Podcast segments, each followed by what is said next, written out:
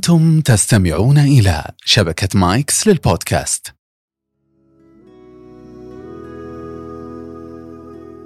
السلام عليكم ورحمة الله. أهلا وسهلا بكم في بودكاست مهارات. اليوم حلقة حلوة وجميلة وخفيفة. إن شاء الله تعالى سوف تستمتعون فيها كثيرا.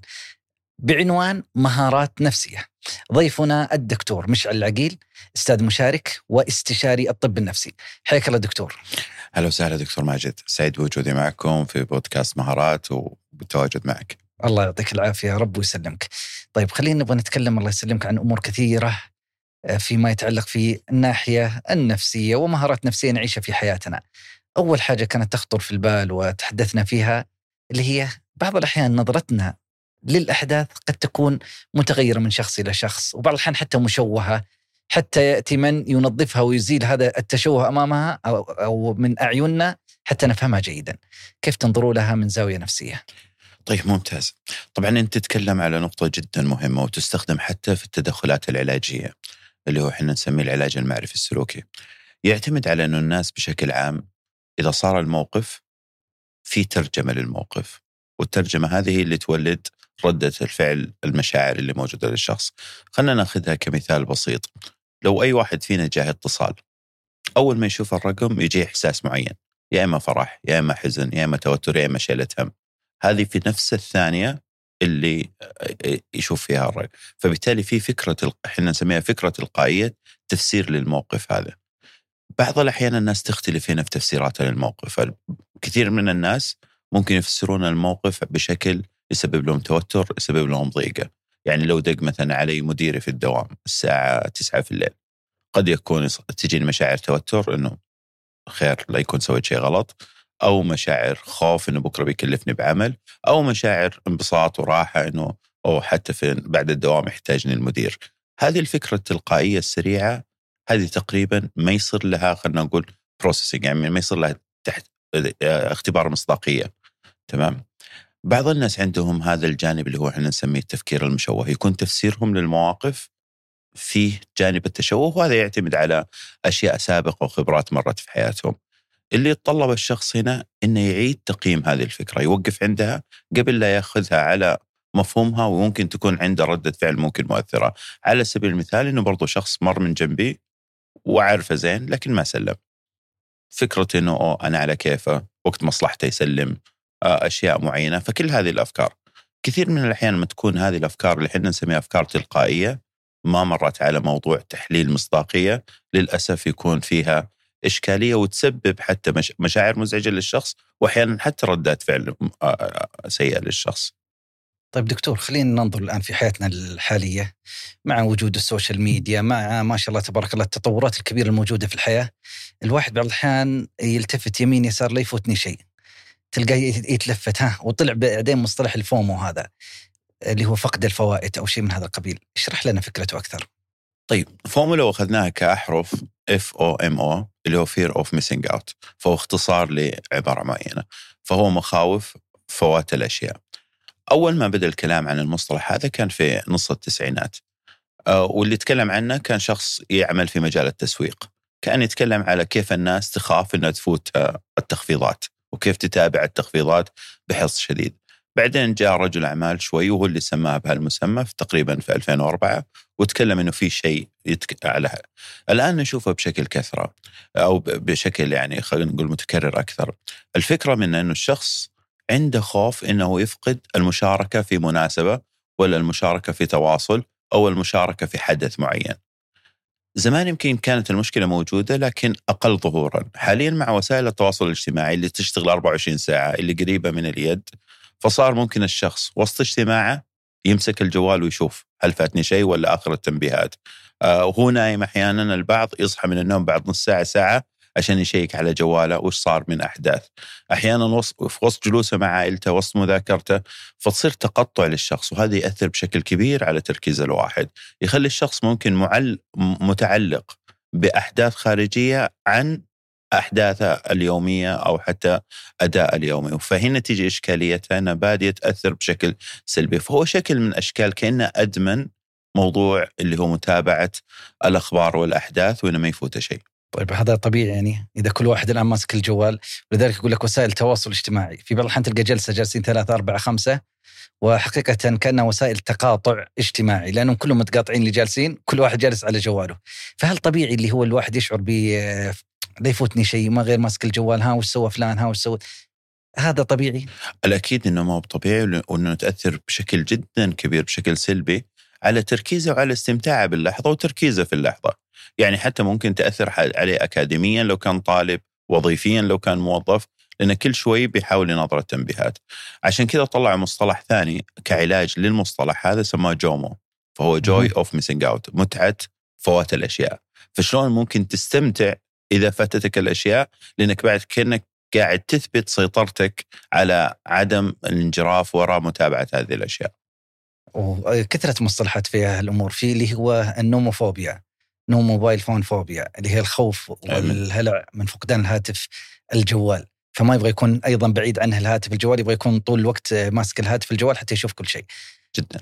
طيب خلينا نقول تأثير منصات التواصل الاجتماعي على حياتنا على استقرارنا النفسي تلقى اذا دخلت انستغرام كأنك داخل المطعم بس يجيب لك الشوكة والسكين، لا دخلت سناب يبغى لك بس تجيب الشنطة معك كأنك مسافر لأن أغلبيتهم مسافرين، لا دخلت تويتر آه، في بعض الأحيان أو منصة إكس بالأصح آه، تلقاها نقاشات ثقافية فكرية وبعض الأحيان تصل إلى ما يتجاوز النقاشات، وبهذا الشكل هل المنصات هل سوف يكون الإنسان إذا خرج منها في حالة استقرار وطمأنينة نفسية جيدة؟ هو شوف تعرف الإشكالية أكبر الأكبر دكتور ماجد إنه المنصات هذه عند تصميمها ومعرفة وحتى في تحديثاتها يحاولوا يشوفون وش العوامل النفسية اللي تجذب الشخص. حتى لو كان الجذب هذا ممكن يكون مرضي ولا مؤثر بشكل سلبي. فكيف أني ممكن أحفز الشخص اللي مثلا موجود في منصة إكس إنه كيف يعني يجذب تفاعل أكبر؟ عن طريق تساؤلات عن طريق مشاركة نقاشات فبالتالي هذه تعطي مثلا نقاط في الألغوريثمات بشكل مرتفع. فللأسف المنصة يعني خلينا نقول تشتغل على الجوانب النفسية الجوانب النفسية هذه إذا الشخص ما كان منتبه بشكل جيد راح ينجرف. حتى موضوع اليوميات وكيف إنه ممكن تظهر لك يوميات أشخاص معينة. برضو إنه لا يفوت لا يفوتني حدث من أحداث اليوميات هذه. وكيف إنه يخليها 24 ساعة؟ فمعنى شوف ترى إذا تأخرت بيفوتك وش صار خلال 24 ساعة؟ ففيها فنيات نفسية تستخدم. عفوا يعني هذه في الإعلانات حاجة نفسية إنه يقول لك الفترة محدودة ويحط لك زي كذا 24 ساعة. بالضبط. كيف وتل... تنظروا لك؟ وتلقاها بعد ما عدت الفترة يقول لك مددنا العرض. طيب بالضبط. فهي ففعلا يكون دائما التسويق والنجاح حتى أي تطبيق إذا ما أخذت العوامل النفسية في الاعتبار آه حيكون خلينا نقول التفاعل أو سقوطها بشكل أو حتى عدم الانجذاب لها بشكل سلبي. طيب خلينا ندخل إلى بعض فئات المجتمع، يقول لك الطلاب الجامعيين في بعض الأحيان قد يكونوا أكثر من يعاني نفسيا. هل هذا كلام مجالس ولا علميا صحيح؟ لا هو بحثيا احصائيا صحيح يعني لو أخذنا الإحصاء آه، اللي هو المسح الوطني اللي صار تقريبا 2018 2019 على المملكة كان النسبة العامة 34% نسبة آه، اللي هو اليافعين اللي هو طلاب الجامعة تقريبا 40%. وش الفكرة في المرحلة العمرية هذه؟ المرحلة العمرية هذه خصائصها مختلفة، فيها إيجابيات وفيها سلبيات. اللي هي مرحلة المراهقة. فيها آه، فيها الاندفاعية. النقطة الثانية غير موضوع المرحلة العمرية تحول الطالب من الرقابة الخارجية للرقابه الذاتية. أول كان يداوم في المدرسة وكان إذا إذا غاب تجي رسالة لولي أمره. حاليا إذا غاب في الجامعة ما في رسائل. فبالتالي هنا صار غيابه بيده وهذه برضو يعتبر تحدي. الإشكالية هي تظهر في المرحلة هذه لكن بذورها تكون سابقة فاللي ما كانت تربيته لابنائه مبنية على الرقابة الذاتية نوعا ما للأسف لما يدخل الجامعة يدخل. وعشان كذا نشوف أكثر تعثر يصير في السنوات الأولى من الدراسة لأنه طلع من بيئة معينة طيب إلى بيئة ثانية، النقطة الثالثة إنه هنا يبدأ الشخص عنده الاختيار.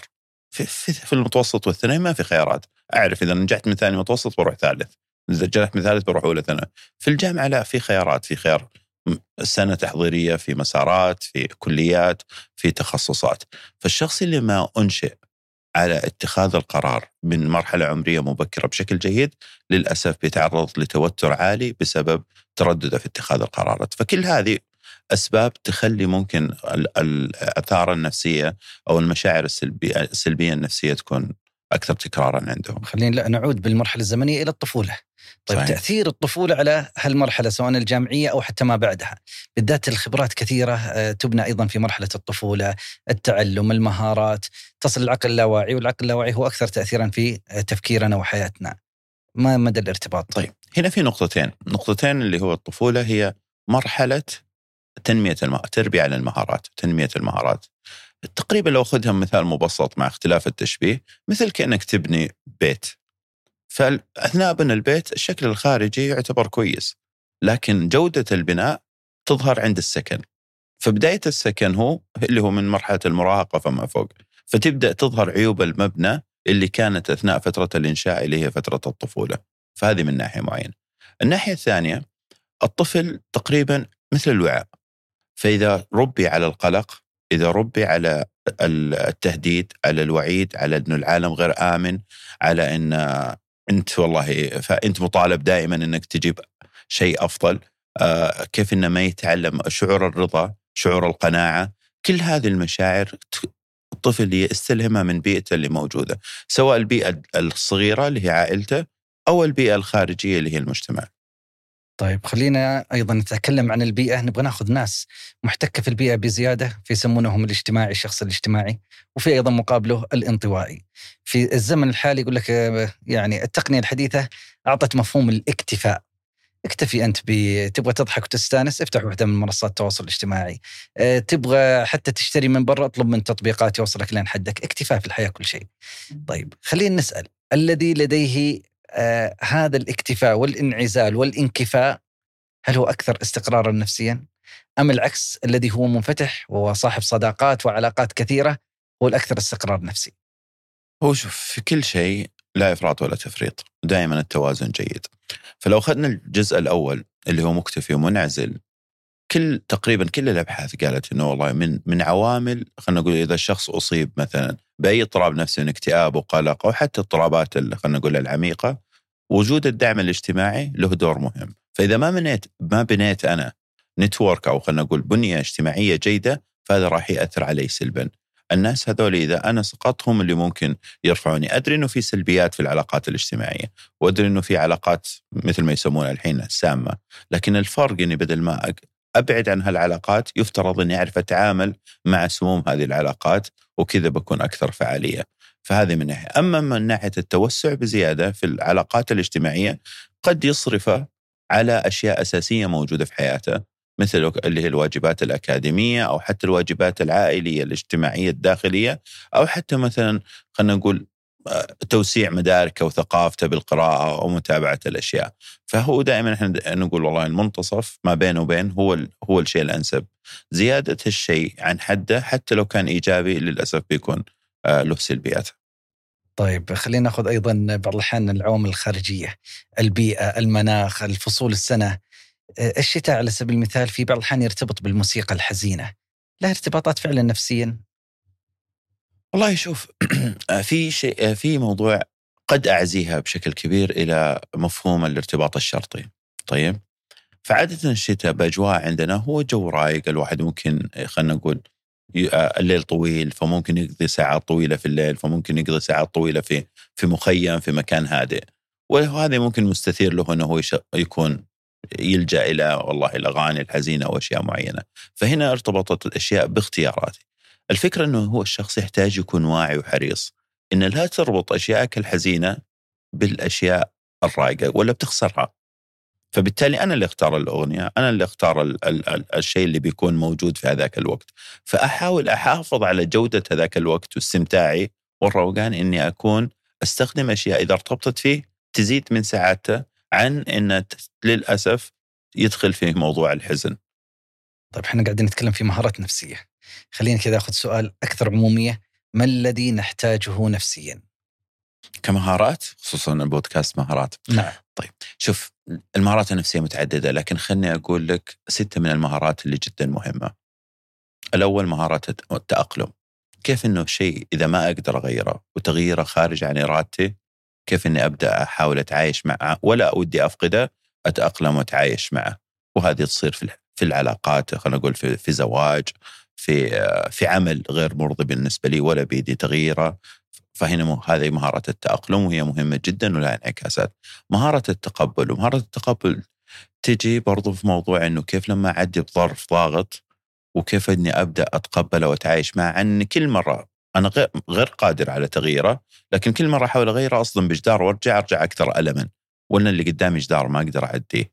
من المهارات اللي هو مهارات حل المشكلات وهذه مهارة مثل ما تكلمنا قبل شوي إنها تنشأ من الطفولة، فبالتالي كيف إنه يفترض على الوالدين يعطون مساحة لاتخاذ القرار لأطفالهم حتى في الأشياء البسيطة، في اختيار الحلوى، في اختيار اللبس، في اختيار الحذاء، في اختيار المكان بشكل ما يضرهم بشكل كبير.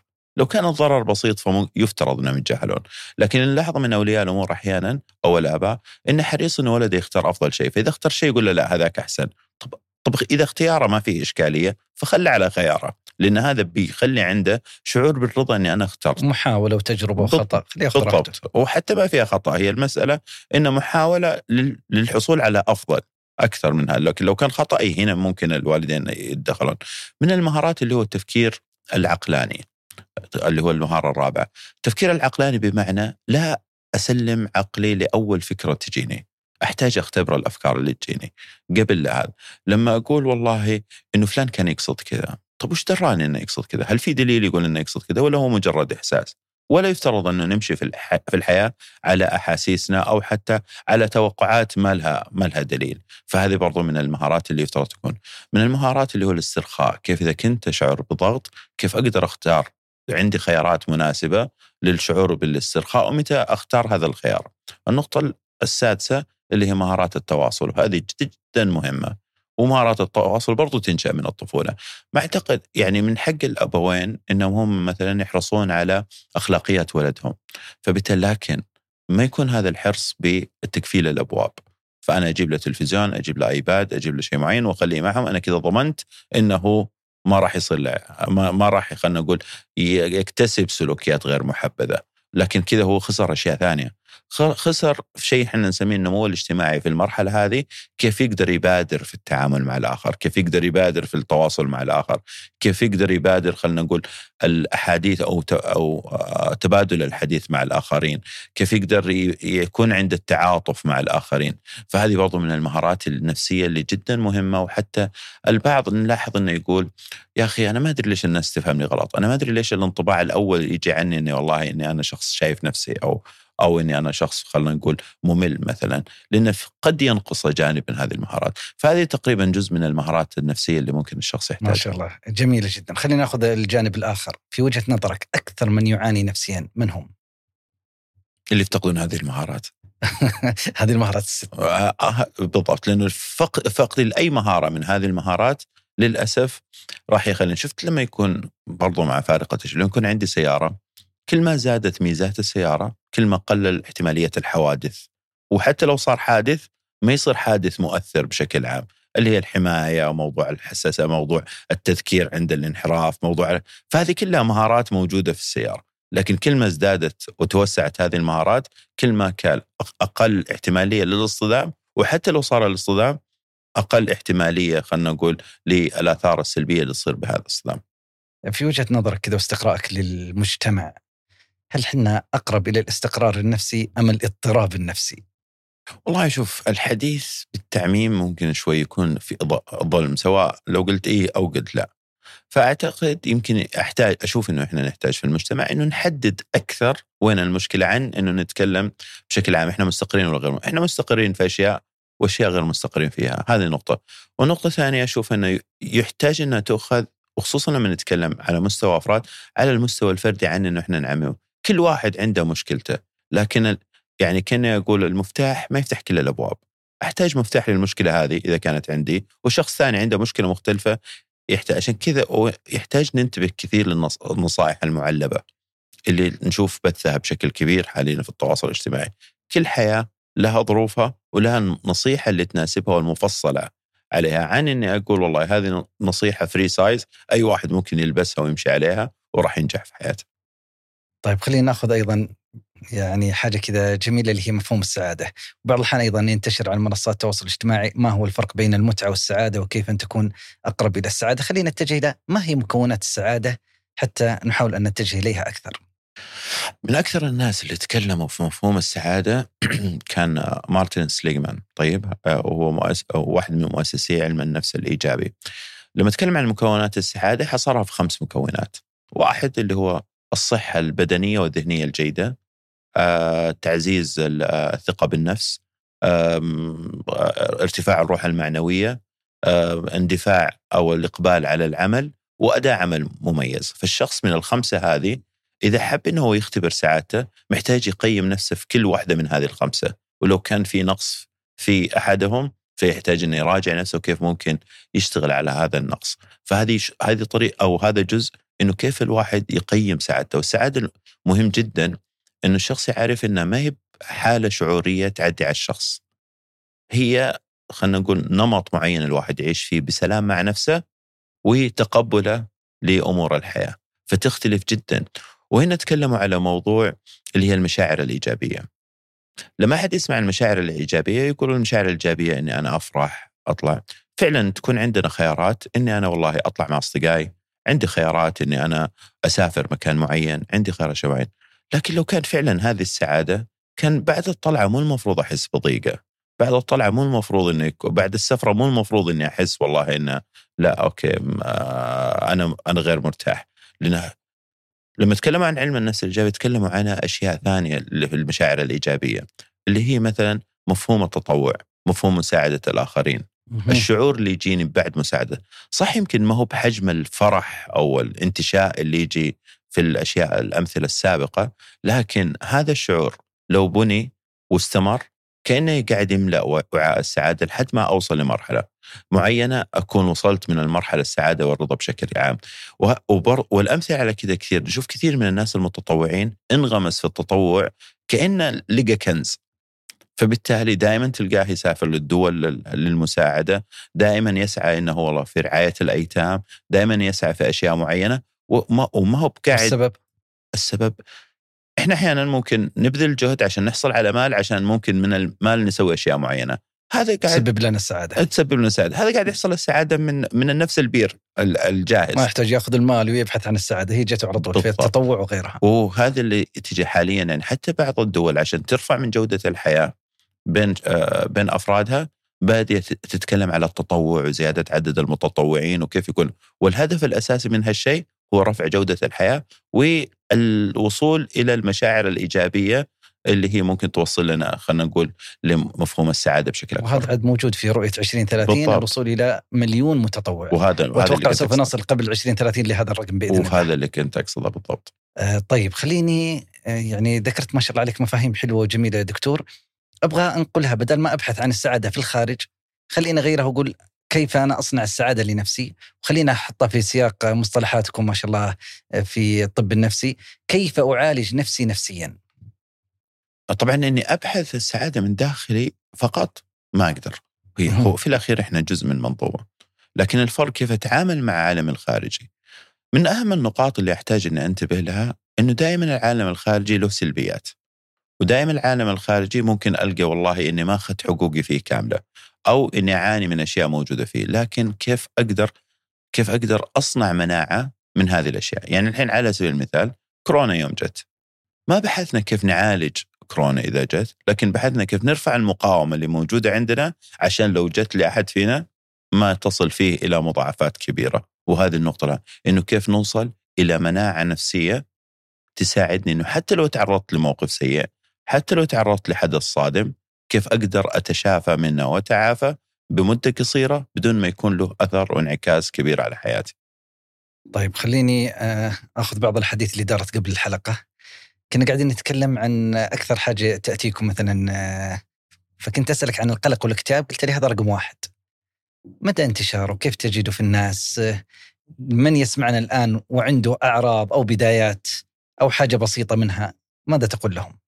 هو فعلا يعني خلاو يعني على مستوى العالم ما هو بس على مستوى عياداتنا موضوع القلق والاكتئاب هي الأكثر الاضطرابات شيوعا. وإحنا لما نتكلم على قلق نتكلم على كذا اضطراب تحت القلق الاجتماعي اللي هو الرهاب الاجتماعي، اضطراب القلق العام، اضطراب الهلع. آه، لما نتكلم عن الاكتئاب برضو في اكتئاب عدم التأقلم في اكتئاب الجسيم. لما يكون الاكتئاب في مراحله أو البسيطة آه لأنه إحنا يصنف عندنا عموما الاضطرابات النفسيه بسيط متوسط حاد أو شديد. فلما يكون في مراحل بسيطة ممكن الواحد فعلا زي ما تفضلت إنه يتعامل فيه مع نفسه. فكيف إنه ممكن يحافظ على نمط يومي بشكل جيد؟ الرياضة من أكثر الأشياء اللي بحثيا أثبتت فعاليتها ثلاثة إلى أربع مرات اسبوعيا لمدة نص ساعة إلى ساعة ك... كافية بشكل كبير أو إلى نسبة كبيرة إنها تعالج موضوع الاكتئاب. هذه نقطه، النقطة الثانية النوم بشكل جيد. للأسف بعضنا النوم عنده هو هو الجدار المايل بحيث إنه والله لو صار له انشغال لو مستمتع من أصدقائه فهو خلاص يقول okay ما عندي إشكالية إني أنا أتأخر في النوم، لا هي إشكالية. فهو كيف ممكن أكون متوازن شوي، أستمتع لكن في حدود معينة ما تنعكس. و... و... و... وتسمع حديث بعض الناس اللي متعود على إنه إذا صحى من النوم صحى بضيقه، طب الضيقه ممكن لها علاقة فسيولوجيا بسبب اللي هو نمط نمط النوم آه العلاقات الاجتماعية والحفاظ على علاقات اجتماعيه مستقرة قدر الإمكان حتى لو كان فرد من عائلتي عنده إشكالية، حتى لو كان واحد من أصدقائي عنده سلبيات، الناس ما هي بكاملة، فكيف إني أحمي نفسي من سلبياتها لكن أظل على تواصل. أما الغضب والقطع والبتر يعني القطع العلاقات هذا أسهل أسهل الحلول وليس أصعبها. أسهل الحلول إني بوقف اتصال ولا تواصل لكن الأصعب إنه يكون تحدي كيف أتعامل مع الشخص هذا بالسلبيات اللي موجودة عنده لكن بدون ما يكون له أثر سلبي على نفسي. في خلينا ناخذ أيضا جزئية أخرى بعد إذنك اللي هي فيما يتعلق في القلق والاكتئاب إنه في بعض الأحيان تعدد الخيارات بالذات في العصر الحالي هل إنها خير ونعمة ورفاهية والحمد لله وتخلي الواحد أكثر استقرار وطمأنينة ولا الزاويه أخرى هي قد تكون إحدى مسببات القلق وكان سؤالي لك إذا قبل الحلقة خلينا كذا نقول كنت أسألك أقول لك هل في حاجة احصائيا كلما زادت رفاهية الإنسان وتوفرت الناحية المالية لديه يزيد عنده القلق والاكتئاب فأجبتني بإجابة حلوة ودنا نسمعها مرة ثانية. طيب سؤال جميل جدا ويلمس كثير من واقعنا. في شيء نسميه مفارقة الاختيارات. طيب اللي هو paradox of choice.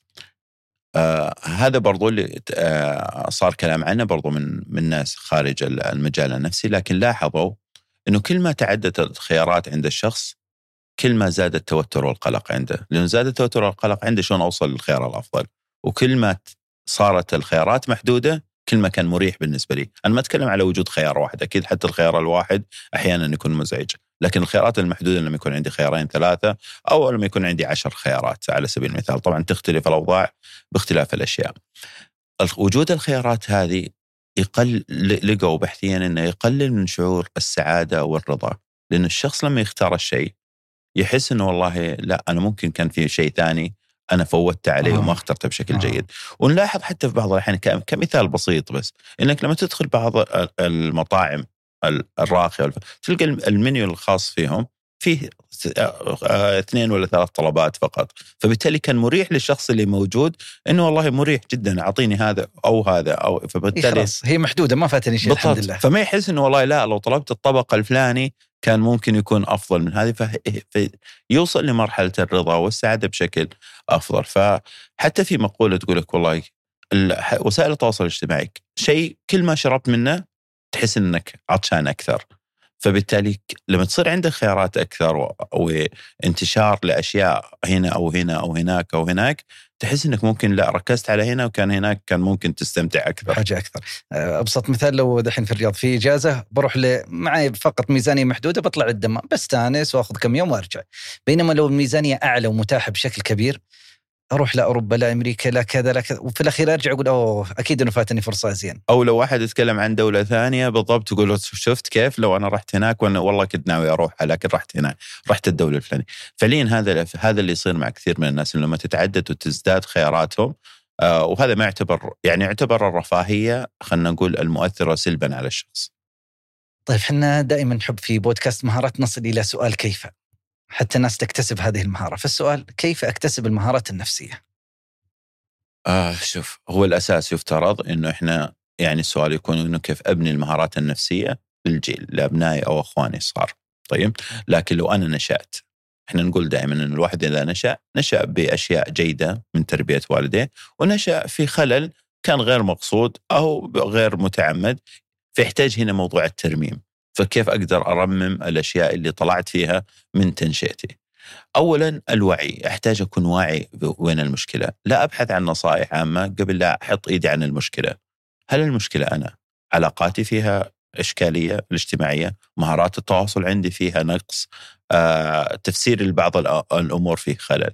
ترى مو بكلنا للأسف عندنا هذا الوعي حتى لو إحنا نتعرض لمواقف لكن يفترض معياري إذا تعددت وتعددوا الأشخاص اللي أعطوني هذه الملاحظة أو تعددت المواقف اللي أصير فيها في هذه المشاكل معناته احتاج أوقف مع نفسي وأشوف وين الخلل بالضبط. فمثل رجوعا للتساؤل واحد هو تحديد مكان المشكلة بعد تحديد مكان المشكلة هنا الأمور تبدأ تصير أسهل، هنا أبدأ أدور في الم... في المكان المشكلة بالتحديد سواء عن طريق صديق أو حتى عن طريق مختص آه كيف ممكن أرمم هذا الجانب اللي موجود في شخصيتي.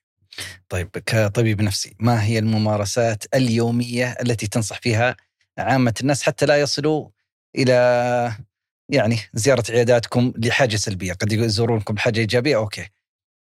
آه يمكن أكثر شيء خلك مرن قدر الإمكان. سواء مرن إذا أحد غلط وتجاوز الغلط فتجاهل أو تغافل، إذا صار موقف مزعج وما كان له آثار سلبية عليك فلا تأخذها بشخصنه أو لا يأخذ الواحد يقول أهاني أثر على كرامتي يظل إنه كرامة الشخص والإهانة بعيدة عن أي كلمة ممكن يقولها الشخص اللي قدامي. آه إذا والله خلينا نقول التسامح مع الناس من أجمل وحتى ممكن الواحد يسترجع ولو قاعد يفكر شوي مع نفسه لو لو حاول يتذكر شخص بحياته متسامح راح يعرف راح يلاحظ بالشيء هذا إنه لأي درجة هو مرتاح مع نفسه ومتصالح. فإحنا في هدفنا في الأخير إحنا في الحياة ما إننا في حرب ومعارك نفسية. إحنا في الحياة إنه نحاول نسد أي معركة نفسية قدر الإمكان بالتصالح أو بالصلح. فكل ما قللت الجبهات اللي موجودة في حياتي كل ما أنا ارتحت. فأنا حتى يفترض وبرضه يهم هالشيء ترى سكوتي على أشياء ما هو ضعف بالعكس حكمة وقوة. القوة مو هو إني أرد بردة فعل عنيفة، القوة إني أنا أتحكم في نفسي ما هي إني أتحكم في الآخرين. لما أبدأ أبحث إني أتحكم في الآخرين فأنا هنا افتقدت القوة في التحكم على نفسي وهذا يعتبر ضعف. كيف أصل لدرجه التصالح مع الذات؟ كيف أكون مرتاح؟ أعطيني السعادة في خطوات. والله شوفي ليتها السعادة لو في خطوات كان ما حد غلب طيب. لكن فعليا لو إحنا رجعنا على مكونات السعادة السابقة وكل واحد راجع نفسه موضوع أوكي كيف بناء الثقة كيف موضوع الحفاظ على صحة بدنية ذهنية كويسة كيف إني أنا أقبل وأكون ملتزم في عملي والالتزام في العمل كيف إني حتى إذا التزمت من العمل أحاول أديه بشكل مميز مو عشان مديري يكون مبسوط ولا عشان. تشوف أحيانا الناس يشتغلون كذا باستمتاع هم مستمتعين بالعمل عشان يطلع بأفضل شكل. حتى لما يكون مثلا المدير ولا المشرف عليه يقول له خلاص كذا كويس لا أقول له بس في هالشيء أبى أعدله. الشعور هذا بالرضا الداخلي أو الإقبال على هذه الأشياء بشكل بشكل ما يأثر عليه سلبا راح ينعكس على وبالإضافة على نقطة موضوع مساعدة الآخرين، مساعدة الآخرين شيء رائع جدا لما ما يكون على حساب خلينا نقول التزاماتي الرئيسية. يعطيك العافية دكتور. سعدنا بهذا الكلام الجميل ونبغى كذا كلمة أخيرة وختامية ولو قدرنا نوجهها لمن يعاني نفسيا ماذا تقول له؟ طيب أنا سعيد أكثر أن أكون معكم في بودكاست مهارات. يمكن لو الكلمة اللي بقولها لمن يعاني نفسيا المعاناة النفسية مؤلمة جدا بجميع أنواعها. ألم آه، كآبة قلق حزن سرعة انفعال آه، خلينا نقول عدم استقرار علاقات. والشخص اللي يعاني نفسيا للأسف إنه كثير من الأحيان يفكر إنه وش الأسباب اللي في حياتي اللي خلتني أعاني حتى لو كان كلامك صحيح ولو حتى الأسباب هذه كانت فعلية الانشغال فيها ما راح يخليني أطلع من هال خلينا نقول الغيمة السوداء، خلني أفكر وش أحتاج أسوي في المرحلة هذه بوجود الضغوط هذه والظروف هذه على أساس النجاح. كيف أقدر إذا والله ما عندي عائلة مساندة كيف أقدر ألجأ إلى أصدقاء ممكن يساعدوني؟ إذا ما عندي أصدقاء مناسبين كيف ألجأ إلى مختص؟ لكن الاستسلام ومرور الوقت وتوقع إنه الغيمة هذه تنجلي طيب بأسباب خارجية للأسف هذه تؤدي إلى مضاعفات تخلي حتى الشخص اللي يعاني بشكل بسيط للأسف ممكن يعاني أكثر ممكن يصير اللي أسوأ من كذا ويبدأ يفقد أشياء أكاديمية أو وظيفية أو حتى أحيانا أسرية تخلي معاناه أكثر عمق وأكثر سوء. يعطيك العافية شكرا لك دكتور مشعل وإلى اللقاء. يعطيك العافية دكتور ماجد سعيد مرة ثانية بوجودي معكم. تسلم.